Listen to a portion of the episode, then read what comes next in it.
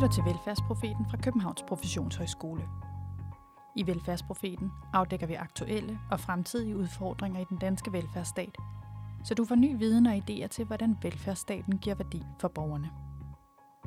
Bag mikrofonen finder du Maja Huk og Lotte Andersen.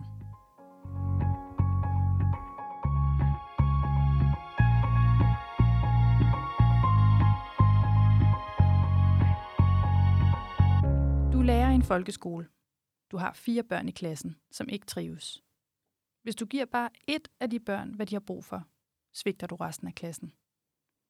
Du har flere gange forsøgt at få hjælp, men er hver gang blevet sendt tilbage med opfordring til at prøve nogle andre indsatser først. Samtidig har du fået flere undervisningstimer hen over årene, flere dokumentationsopgaver og andre ekstra funktioner. Selvom du tænker, det egentlig er en umulig opgave, så hjælper det ikke så meget, når du skal se børnene i øjnene. Det giver dig en følelse af at mislykkes som lærer og svigte børnene som menneske. Måske har du endda overvejet at finde et andet arbejde, fordi det faktisk forgifter din arbejdsglæde.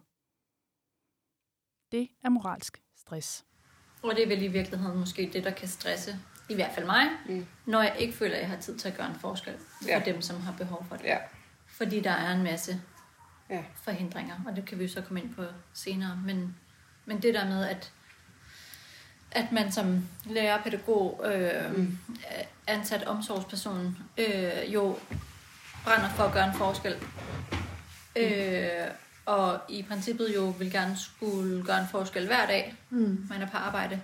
Mm, men ofte kan have den følelse, at, at det man gør, øh, bare ikke batter, eller sådan, Mm. øh, Man gør utroligt, der er utrolig mange ting, man, øh, vi, altså jeg i hvert fald føler, at jeg gør, mm, bestemt i en undervisningssituation, øh, som er, giver mening og noget, jeg skal, øh, af den ene eller den anden årsag. Det kan Mm. være børn, der er udfordret.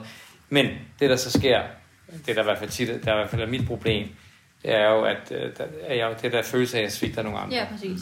Og det kan være, det kan være velfungerende børn, Mm. øh, som ikke får min opmærksomhed, øh, som ikke, fordi jeg har, jeg har nogle, sådan nogle ting, jeg gerne vil hver dag med mine elever. Stemmerne, I hører her, stammer fra et fokusgruppeinterview om moralsk stress på en folkeskole. De to lærere, en inklusionspædagog og en inklusionsvejleder, der fortæller om de mange måder, de oplever moralsk stress på.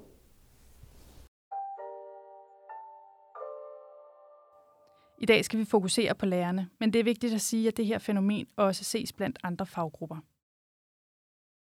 I dag har vi fået besøg af docent Nana Våben og lektor Ph.D. Christian Gylling her fra Københavns Professionshøjskole.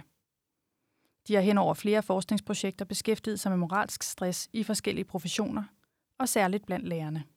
Velkommen til jer. Mange tak. Mange tak. Lad os først få defineret moralsk stress. Hvad er det?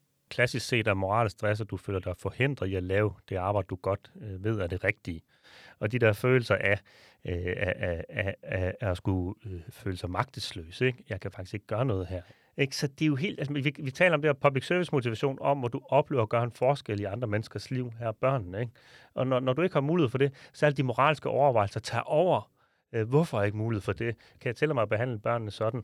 Øh, så det er de der moralske overvejelser, du har løbende og ofte. Ikke? Øh, øh, Det er der, det kommer til udtryk. Ikke? Gør jeg det rigtigt? Kan jeg stå inden for det her? Hvad er det egentlig, der kan forhindre en lærer i at gøre det rigtige, Nana? Altså, selv om lærere kan rigtig mange ting, så kan de trods alt ikke være flere steder på én gang. Øh, og det er jo faktisk det, vi nogle gange øh, ser, at de øh, skal, hvis de øh, skal kunne være den lærer, de gerne vil være over for alle deres elever. Og så er det, de står i den situation, som du lige har beskrevet, hvor de skal vælge, skal jeg prioritere den ene eller de mange? For jeg kan ikke begge dele.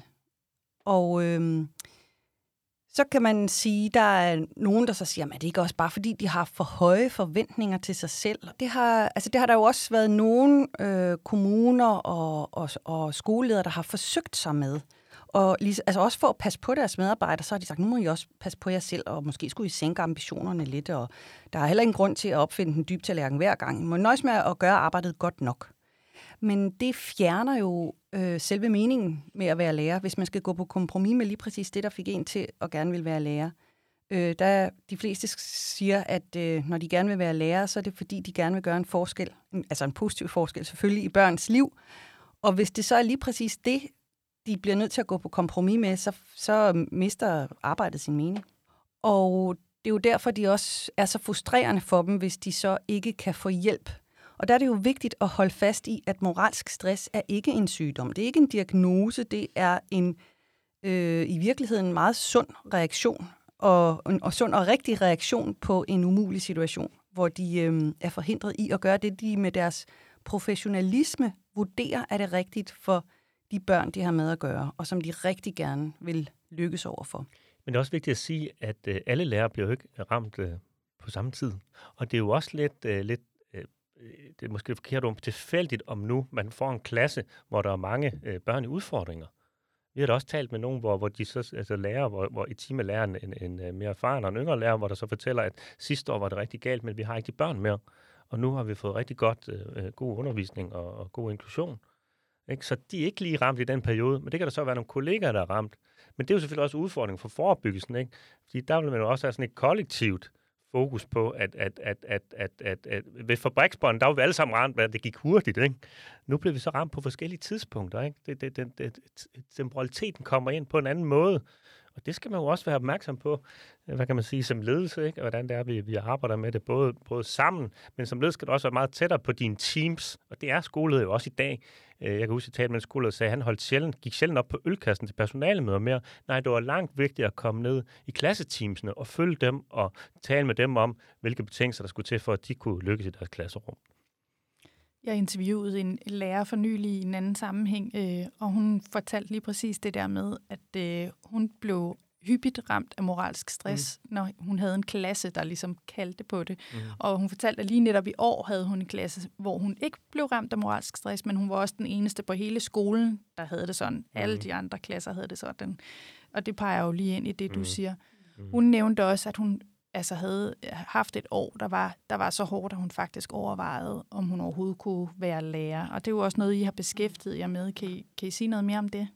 Ja, altså først får jeg lyst til også at fortælle om øh, en af de lærere, som, øh, som vi har fulgt, øh, og, eller øh, som har, vi har talt med her i projektet, øh, som sagde, jeg troede egentlig, jeg var færdig med at have det sådan her. Og så fortalte hun, hvordan at hun havde haft det virkelig, virkelig svært, da hun var nyuddannet, og det siger mange af de nyuddannede jo, at de synes virkelig, hvorfor havde jeg ikke fortalt, at det var så svært, det her med skolen, ikke? Øhm, men at netop fordi hun så fik en anden klasse, øh, og øh, hvor der var nogle børn, som havde det øh, rigtig slemt, så fik hun det på samme måde, som da hun var helt nyuddannet, og det troede hun ellers, hun var forbi. Så det er jo igen det der med, at det, det kan komme og gå alt efter hvad for nogen. Og det siger jo igen noget om, at det er jo ikke læreren, der får en sygdom. Det er øh, nogle bestemte situationer, der fremprovokerer de her følelser. Om øh, planen har været, han møder en halv time efter de andre, og så mm. er det så lang tid, han går over skulle være dernede. Mm og så sker det. Ikke? Øhm, der opsnappede vi også dengang, jo, mig og min kollega, øh, det der moralske stressbegrebet, og det var, altså, vi havde ikke begreb for det, men vi har gået og snakket mm. så meget om, hvor stresset vi var over, at det var ligesom om, at hans problemer, ligesom det røde bord for alle mm. andre øh, elevers problemer, fordi når han havde problemer, så resulterede det ligesom i, at de andre børn blev slået yeah. og blev mega skræmte og mega bange. Mm. Mm. Hvor at den introverte pige, der sidder nede i hjørnet, der har behov for hjælp til at at udfolde sig, eller blive sat op og sådan noget. Hun blev fuldstændig overset i det der, ikke? Og mm. da vi så, øh, han var så ude med corona, så vi havde en uge, hvor han ikke var der, og det var et andet tidspunkt, han også var ude nogle dage. Så kunne man jo se alle de andres problemer, og det var sådan, man, man virkede simpelthen så dårligt med det der med, hvor lang tid man ikke havde haft tid til at støtte de andre elever og se mm. deres problemer, og, øh, og nogle af dem, hvor det var ret, altså sådan, virkelig nogle problemer at føle på os på en ja. måde, ikke? men det var bare druknet fuldstændig ja. i det. Mm. Ja, det er flere ting. En ting er dokumentationsting, ikke? Mm. men er du sindssygt bare, vi har haft mange koordineringsmøder for at finde ud af, hvem Præcis. skulle gøre hvad, ja, ja. hvornår oveni, ikke? så hele den del, ja. den, mm. og så kommer der kontaktmøder oveni mm. med forældre, og myndigheder, der skal ind over og sådan noget, ikke? så det er jo bare sådan, ja, det er møder, det er dokumentation, det er øh, koordineringsmøder, øh, og det er mange kontakt med forældre. Altså, fordi jeg tænker, man sidder der ikke som alene lærer, man sidder der måske to-tre fra et team. Og, mm. altså, Præcis. Og hvis man så bare har en Ja. 3-4, som mm. vi nok alle sammen mm. godt kan skrive under på, der er i hver klasse, altså, så er der med med langt ned til den mm. lille stille Ja. Mm. Ja, og, og en krølle på det, det vores opgave er, er som udgangspunkt jo selvfølgelig øh, børns øh, trivsel, men det er jo børns læring. Mm. Og man kan sige, i den der situation, der er der måske, der bliver, der bevæger man sig måske, i hvert fald for klassen, jo så længere væk fra læringen. Mm. Altså, fordi det kommer til at handle så meget om den enkelte elev, som også smitter af på de andres trivsel. Altså sådan, mm. jeg tænker, ja, ja, ja. Der, der, er, der er øh, matematikfærdighederne, som du gerne vil undervise dem i, det der fede forløb, du har lavet i sidste uge. Altså sådan, mm. det kommer vi endnu længere væk fra. Mm.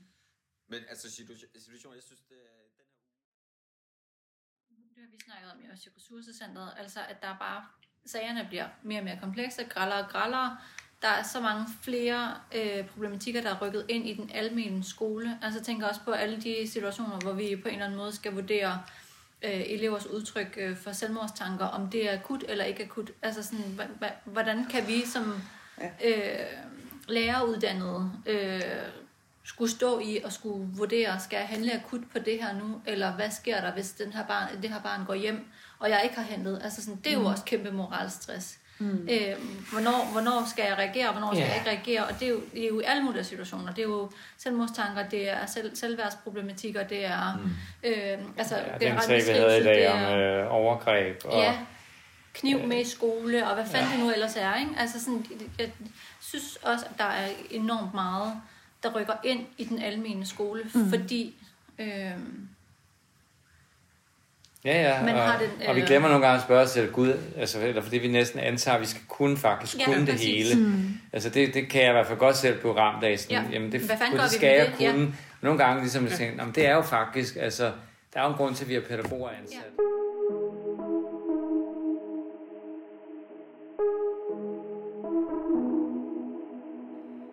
Kan I sige noget om, hvad betyder det for lærerne, når de bliver ramt af moralsk stress gentagende gange og over tid? Moralsk stress, som jo kommer af de der situationer, hvor man ikke synes, man kan gøre det rigtigt, de afføder, øhm, netop fordi det er sådan nogle indadvendte følelser. Er det mig, der gør noget forkert? Kunne jeg have gjort noget anderledes? Det er mig, der får ondt i maven og synes, at det her det er ikke i orden. Øhm, så de indadvendte følelser, det er meget sådan noget med skyld og skam og dårlig samvittighed, øh, ondt i maven, øh, den slags følelser. Øh, og så kan det jo netop som altså starte sådan en indre samtale. Er, er jeg overhovedet et ordentligt menneske, hvis jeg, hvis jeg øh, lader mig for, for rå på den her måde? Hvis man kan mærke den der kynisme komme snigende, øh, og især hvis man så hele tiden får at vide, jamen du skal også bare altså, gå lidt på kompromis, eller hvad med at have sådan nogle høje øh, forventninger til dig selv. Pas nu lidt på. Øhm, så er der nogle lærere, som ligesom synes, at de, øhm, de griber sig selv i at blive, være ved at blive til nogle mennesker, de ikke har lyst til at være. Øh, og nogle lærere, de ikke har lyst til at være. Øhm, og så starter der jo sådan en, en næsten eksistentiel samtale med sig selv. Øh, vil jeg have det sådan her? Vil jeg være sådan her? Er jeg overhovedet det rigtige sted? Er det nu, jeg skal finde noget andet for ikke at blive til en, som jeg ikke vil være? Og der er det jo interessant, at hvis man kigger på nogle af de der meget offentlige opsigelser øh, og læserbreve, øh, der har været. Altså rigets fødselschef, der sagde op. Øh, skolelederen fra Vejle, der sagde op for rullende kameraer for en måneds tid siden. Det er næsten altid den begrundelse. Det er næsten altid en begrundelse, der handler om, jeg kunne ikke se andre i øjnene. Jeg kunne ikke se mig selv i spejlet. Jeg kunne ikke se elever og forældre, og til sidst heller ikke mig selv i øjnene. Øh, jeg kunne ikke stå inde for det. Så den der med ikke at kunne stå inde for sit arbejde og måske for sig selv som menneske, det er den, øh, der er så hård og så uudholdelig i virkeligheden, så det faktisk kan få folk til at overveje, om de skal blive i deres arbejde. Så, så du har egentlig, du, du kan se på de overvejelser, som vi taler om, som er affødt af de følelsesmæssige reaktioner, du har, som den anden taler om. Men der er jo også øh, de metaforer, de bruger. Ikke? Altså se sig selv i øjnene. Ikke? Mm. Øh, øh, agere skraldemand. Øh, det er politiet, der for eksempel siger det over for psykisk syge. Ikke? Og det, det lyder ubehageligt, at du egentlig føler, at du er den, der skal samle de mest udsatte borgere op i vores samfund. Du bliver skraldemand, ikke? der hver dag kommer og henter dem. Øh, så de der metaforer er også et godt udtryk for, øh, når, når der kommer de her overvejelser, mm. de skal sætte en eller anden form for markat på en metafor og en måde at forstå ens øh, liv, mm. øh, og, og hvad der foregår omkring en, og dem bruger de altså mange af. Øh, det med ondt i maven, ikke? for mm. eksempel, at se sig mm. selv i spejlet. Ja. Der er også andre. Malene Friis Andersen, som har forsket meget i øh, stress, øh, hun har også været fremme og sige noget her for nylig øh, med et øh, nyt forskningsprojekt, de har haft gang i, at folk bruger udtryk, øh, som at de er blevet til dyr. Øh, altså det der med, at man øh, opfører sig på enten som robotter, eller som dyr, eller som hunde. Øh, vi har også et par formuleringer, at folk, der siger, at de føler sig som en abe i et bur, der går ind og kører et online-forløb af. Altså det her med, at man bruger nogle sproglige udtryksformer om sit eget arbejdsvirke, øh, som slet ikke er et menneske.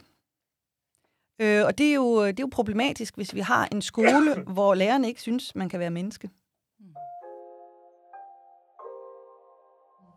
Ja. Jamen også Især bare komme op og ned, ikke? lavpraktisk, altså stå i en undervisningssituation, have 23 elever, jeg er så privilegeret, at jeg kun har 23, men altså øh, formidle noget med alle mulige forskellige tilgang og øh, måder med indlæring og øh, alt det der halløj, og så alligevel gå derfra og tænke, den og den elev har jeg igen ikke ramt. Mm.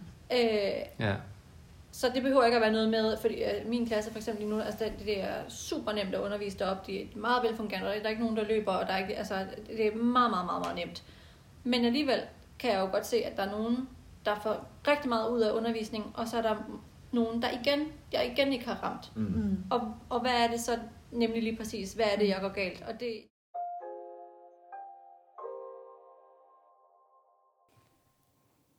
Som Nana og Christian fortæller, så har moralsk stress stor betydning og store konsekvenser for den, der rammes. Men moralsk stress kan også få store samfundsmæssige konsekvenser. Vi har også lavet for nylig, Christian og jeg øh, og nogle flere, øh, en undersøgelse af øh, trivsel og motivation øh, gennem arbejdslivet i uddannelsessektoren, og det er så alle mulige slags lærere, ikke kun folkeskolelærer. Og noget af det, der slog os i den undersøgelse, øh, hvor der var altså rigtig mange respondenter, øh, det var, at der var mange, der skrev, at de godt kunne lide deres arbejde, men at de var i tvivl om, om de kunne holde til det resten af arbejdslivet. Og da vi så begyndte at gøre det op på alder, så kunne vi se, at det er faktisk især de helt unge, eller i hvert fald også de helt unge, der har den overvejelse, om de kan holde til det her hårde arbejdsliv, et helt arbejdsliv. Øhm, og øh, i hvert fald blandt de respondenter, der deltog i undersøgelsen, der kunne vi se, at, det, at den tvivl, den er der faktisk øh, helt frem til næsten 60-årsalderen. Altså, så det er ikke sådan en, en, en pludselig indskydelse, der, der så forsvinder igen. Men det er en, en overvejelse, som vi kan genkende hos mange af vores øh, respondenter, og også i de interview, vi har lavet, at de siger, kernen i lærerarbejdet, selve det at undervise og have med børn at gøre, det er fedt. Det er, noget, det er verdens bedste job, men jeg er i tvivl, om jeg kan holde til det resten af mit arbejdsliv. Og det synes vi også er noget, der er meget bekymrende.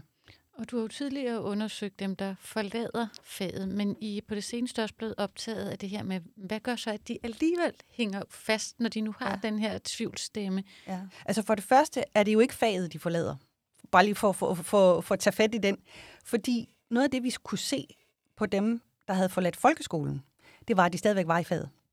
Øh, de, var, de havde fundet nogle andre steder i undervisningssektoren, hvor de kunne være lærer på den måde, de gerne ville være lærer på, eller i hvert fald håbede på, at de kunne blive det.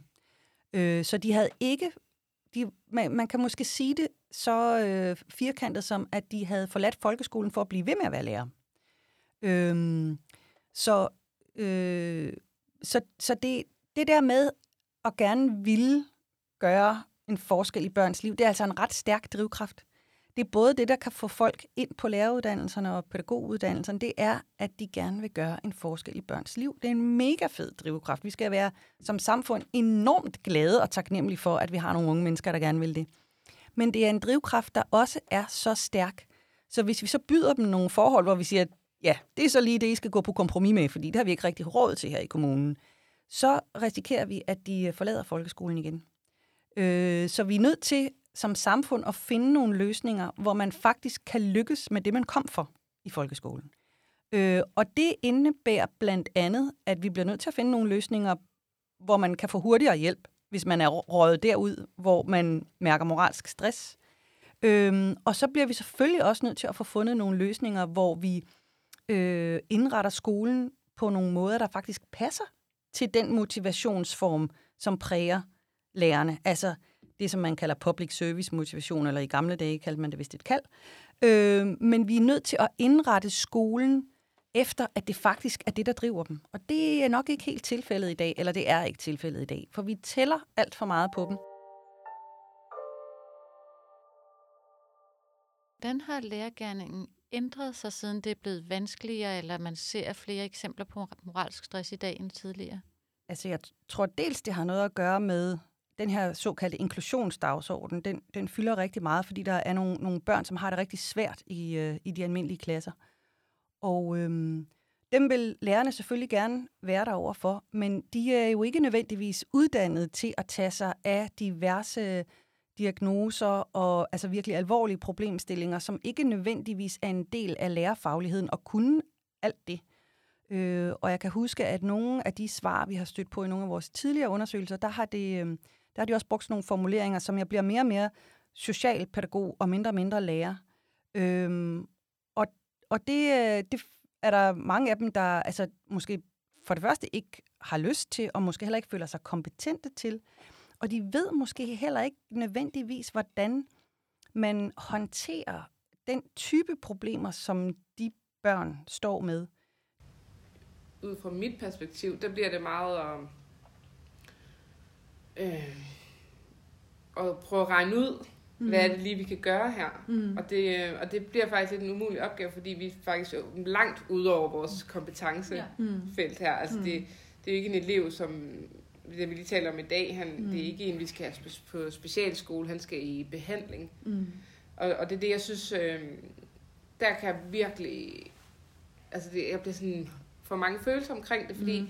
at vi bliver bedt om at skulle tage os af det her barn i så lang tid, som vi gør mm. før der kan ske noget andet. Ja. Ja. Det har jeg det simpelthen så stramt med. Mm. Jeg kan, og jeg kan næsten ikke holde ud og høre ja. om det. Altså, mm.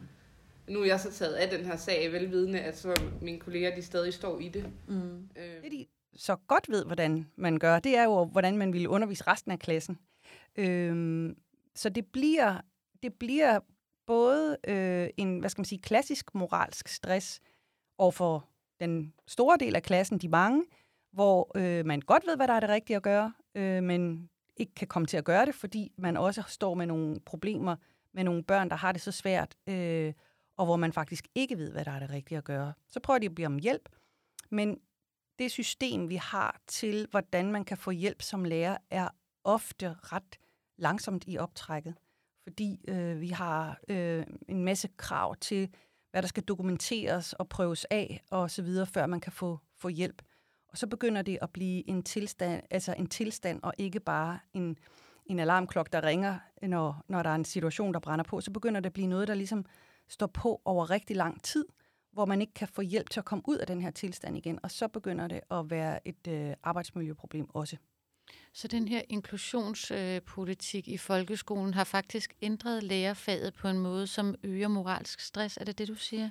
Altså det kunne man i hvert fald godt have en fornemmelse af, at, øh, øh, og det, jeg tror faktisk, at de fleste lærere synes, at inklusionsdagsordenen er en sympatisk dagsorden. Altså jeg tror ikke, at der er særlig mange lærere, der med vilje eller har noget ønske om at ekskludere børn fra deres klasser. Men øh, rigtig mange påpeger, at selvom det er en sympatisk dagsorden, så er ressourcerne ikke fundet, fuldt med, og at de har simpelthen ikke hænder nok eller kompetence nødvendigvis til at håndtere de problemstillinger, der følger med, når man putter øh, nogle børn, der har det så svært, ind i en normal klasse.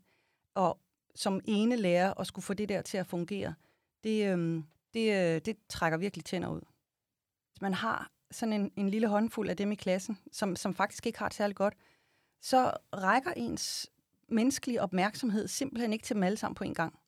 Og så øh, kan man jo nogle gange prioritere at være der for de børn, det, eller det eller de børn, det drejer sig om.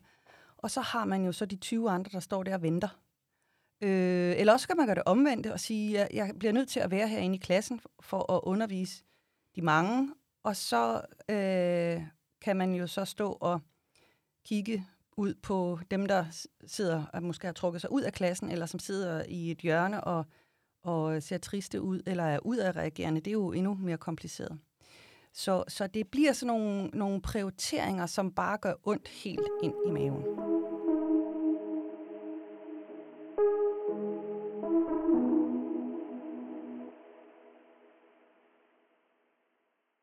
Så er det rigtigt, at der er kommet meget fokus på de her samtaler og teamsamarbejde og, og så videre, og det kan øh, også noget.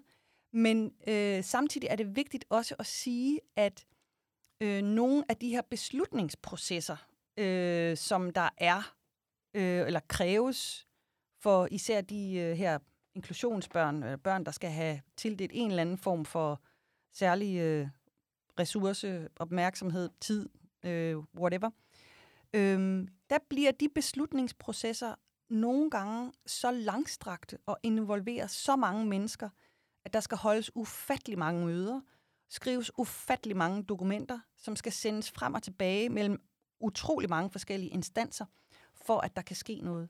Og det er i hvert fald noget af det, som vi også har stødt på i nogle af de her interviews. Altså en, øh, en magtesløshed over for, hvor lang tid og hvor kompliceret det bliver, det der bevillingssystem. Øhm, hvor, hvor, øh, hvor det ressourceforbrug, der går på at, at holde styr på ressourcerne, det faktisk i sig selv bliver rigtig, rigtig ressourcekrævende. Øhm, og også installere en nervøsitet i lærerne for, om de nu har husket det hele. Altså om øh, hvad, det, som vi aftalte på det der møde, øh, øh, kan jeg nu øh, fravige det, fordi jeg nu vurderer, at der er behov for noget andet, eller øh, det, som vi aftalte der, det skal jeg lige huske at få givet videre til den og den, som lige nu er syg. Øh, eller de, de vil gerne kunne give et svar hurtigt tilbage til nogle meget, meget bekymrede forældre, der er urolige for deres øh, barn, som måske ikke trives. Men det kan de ikke, fordi de først skal aftale det med en hel masse andre øh, instanser. Ja. Øh, de der opgaver, hvor man tænker, okay, øh, nu har jeg fået en mail fra øh, en forælder for eksempel, om et eller andet barn, som jeg har samtaler med. Øh, og så skal jeg give en besked videre til nogen, som jeg skal samarbejde med i den her sammenhæng. Øh, og før jeg har fået besked fra dem, jeg skal samarbejde med, kan jeg ikke svare de forældre. Mm. Så hvordan husker jeg på, at jeg skal sørge for, at jeg skal give de forældre besked, hvis nu ikke jeg får svar for dem, jeg skal samarbejde med? Altså det der med, mm. det, det er moralsk stress for mig mm. hele tiden, at skulle øh, gøre noget lidt dårligere, end jeg egentlig måske synes, at, mm. at man har, mm. at ja. dem, jeg har samarbejdet med, skal have fortjent. Ikke? Altså, du vil bare gerne svare med det samme. Jeg vil gerne svare med det ja. samme, eller jeg vil gerne løse den med det samme, eller mm. jeg vil mm. gerne sige, så gør vi det, bum, øh, eller øh, prøv at tage fat i dem her. Men, men at, og, og, og måske også det der med den moralske stress for mig, det der med, at, at, øh, at der så er nogen, det kan være samarbejdspartner, det kan være lærere, det kan være øh, forældre, det kan være alle mulige, som tænker, at det er mig, der ikke gør mit arbejde godt mm. nok, fordi jeg ligesom er i limbo og venter. Mm. Øh,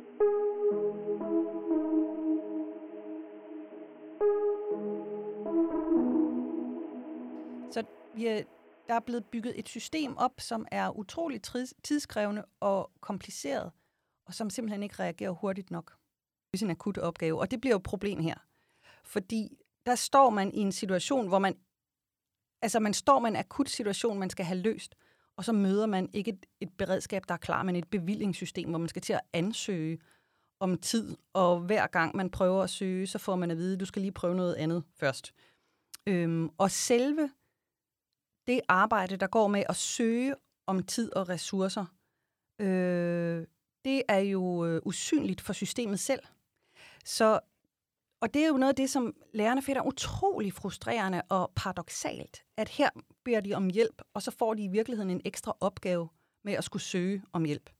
Øh, hvor de jo forståeligt nok tænker, tænk, hvis man havde brugt de her ressourcer på at hjælpe børnene, i stedet for at sidde og øh, udfylde alle de her papirer og skemaer.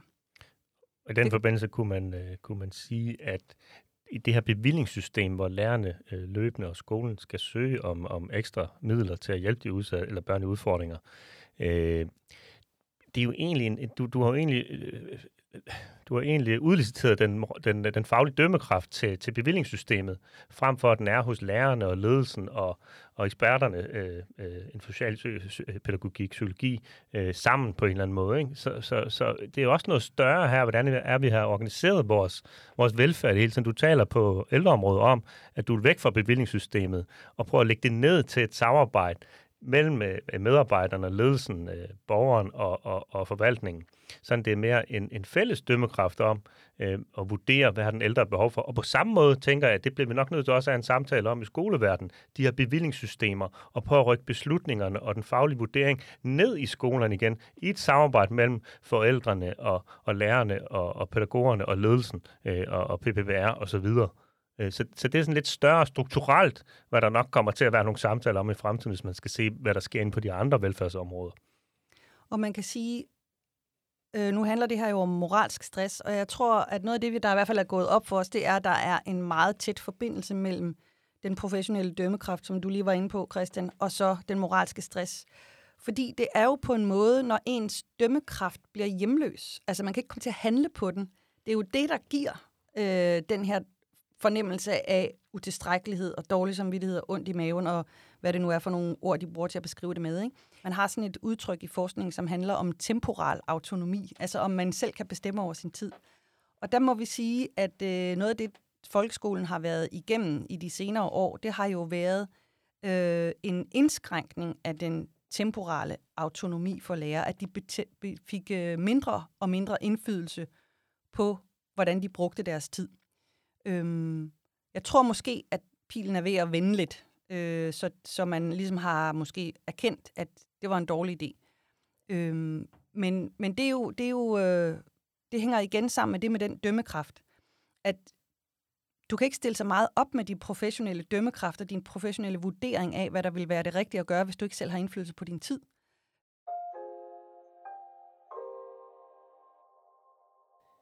Når vi taler om den her udfordring, så giver, får man sådan et indtryk af, at det er noget, som måske er skabt på systemniveau, men som koster på individniveau.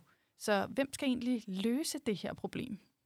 Men du har jo næsten sagt det. Det er jo noget, der skal løses systemisk. Vi skal have det løftet væk fra individet. Det skal afindividualiseres. Og det første skridt er at tale om det.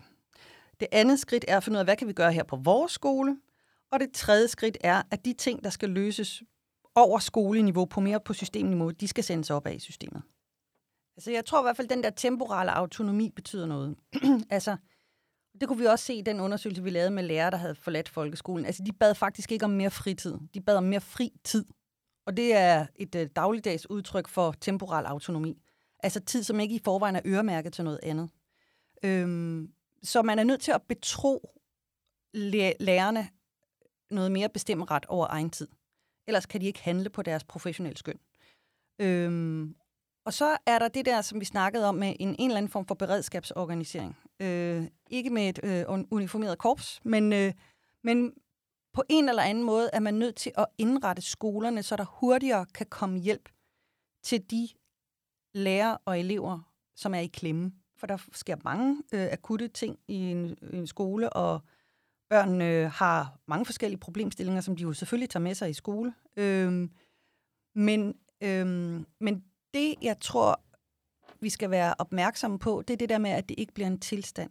Altså, at man ligesom over, over lang tid øh, bliver ved med at være i sådan en låst situation, hvor man ikke kan slippe ud af det her moralske stress, selvom man prøver.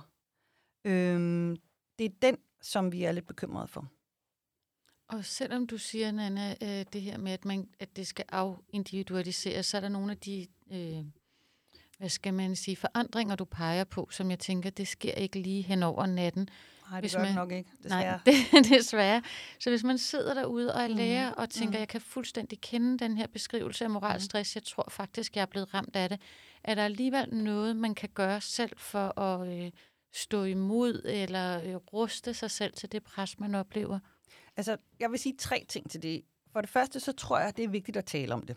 Øh, og det er også derfor, vi prøver at udbrede kendskabet til moralsk stress, fordi bare det at opleve, at det ikke er mig, der er galt på den, at det faktisk er en systemting, det her, øh, og at andre også er ramt, gør måske, at man føler sig lidt mindre alene og lidt mindre forkert. Øh, så et, tale om det. To, finde ud af, øh, hvad kan vi gøre her på vores skole? Har vi en eller anden form for beredskab, hvor vi kan komme hinanden til undsætning, hvis det er rigtig akut? Og hvad kan vi gøre for øh, at komme nogle af de her ting i forkøbet? Øh, der har de blandt i, i nogle kommuner har de sådan et, et system, hvor de også øh, mødes, hvis der er nogle, nogle bestemte børn, hvor, øh, hvor der øh, er nogle problemer omkring, at de så øh, mødes og øh, taler om, altså hvad for nogle tegn kan vi se på, når tingene er ved at eskalere, og hvem er det, der lige gør hvad så i de her øh, situationer, så vi kommer det i forkøbet.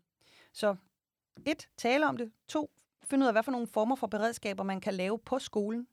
Og tre, øh, så er der nogle ting, der skal løses mere systemisk, og de skal sendes opad. I skal have tak begge to for at have gjort os klogere på moralsk stress i dag.